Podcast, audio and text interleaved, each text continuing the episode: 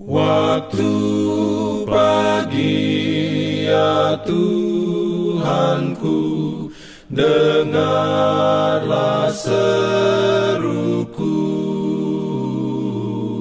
Melayang doa yang sungguh Memandang padamu. Selamat pagi pendengar Radio Advent Suara Pengharapan Mari mendengarkan suara Tuhan melalui tulisan pena inspirasi Yesus, nama di atas segala nama.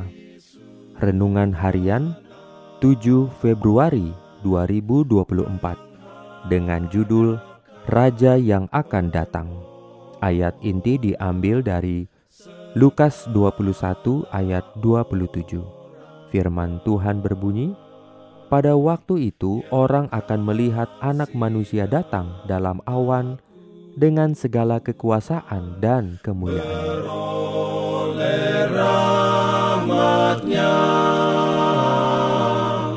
Diberikannya perlindungan dalam pimpinannya. Urayanya sebagai berikut. Kristus telah menyuruh umatnya memperhatikan tanda-tanda kedatangannya dan bergembira sementara memandang tanda-tanda raja mereka yang datang itu.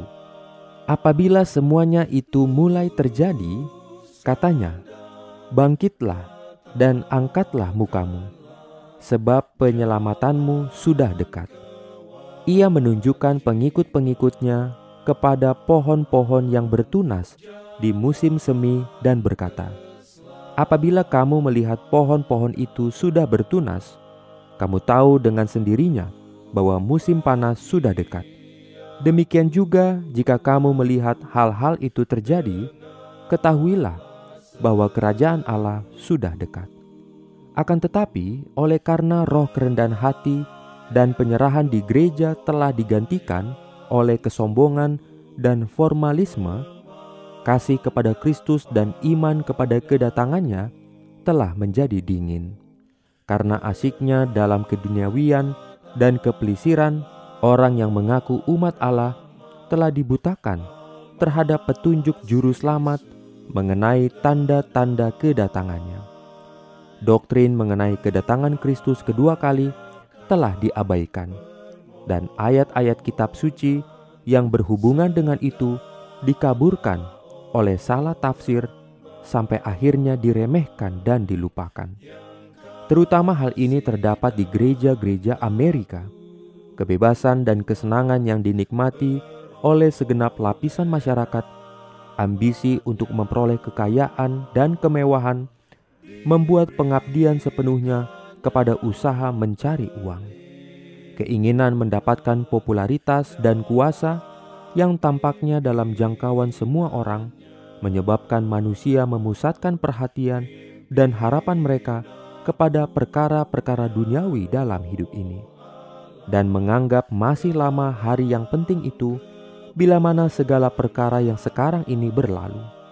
Ketika Juru Selamat menunjukkan kepada pengikut-pengikutnya tanda-tanda kedatangannya, ia meramalkan kemurtatan yang terjadi sebelum kedatangannya yang kedua kali itu. Akan terjadi seperti pada waktu zaman Nuh, kegiatan dan bisnis duniawi dan mencari kepelisiran, membeli, menjual, menanam, membangun, kawin mawin, dengan melupakan Tuhan Allah dan kehidupan di masa yang akan datang.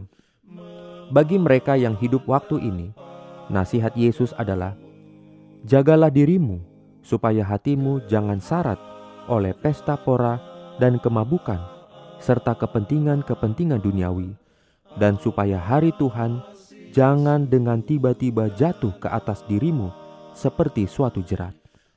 Berjaga-jagalah senantiasa sambil berdoa, supaya kamu beroleh kekuatan untuk luput dari semua yang akan terjadi itu, dan supaya kamu tahan berdiri di hadapan Anak Manusia. Renungkan lebih dalam bagi Anda. Berapa banyak rencana yang saya buat pada hari ini yang sambil melakukannya, mata tertuju pada kedatangan Yesus yang kedua kali, diberikannya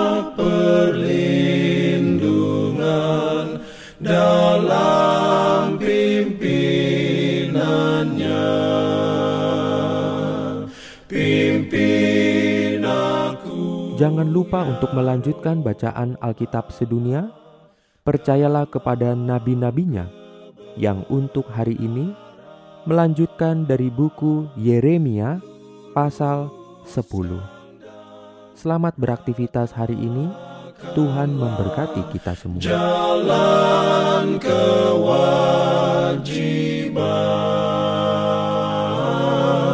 Jalan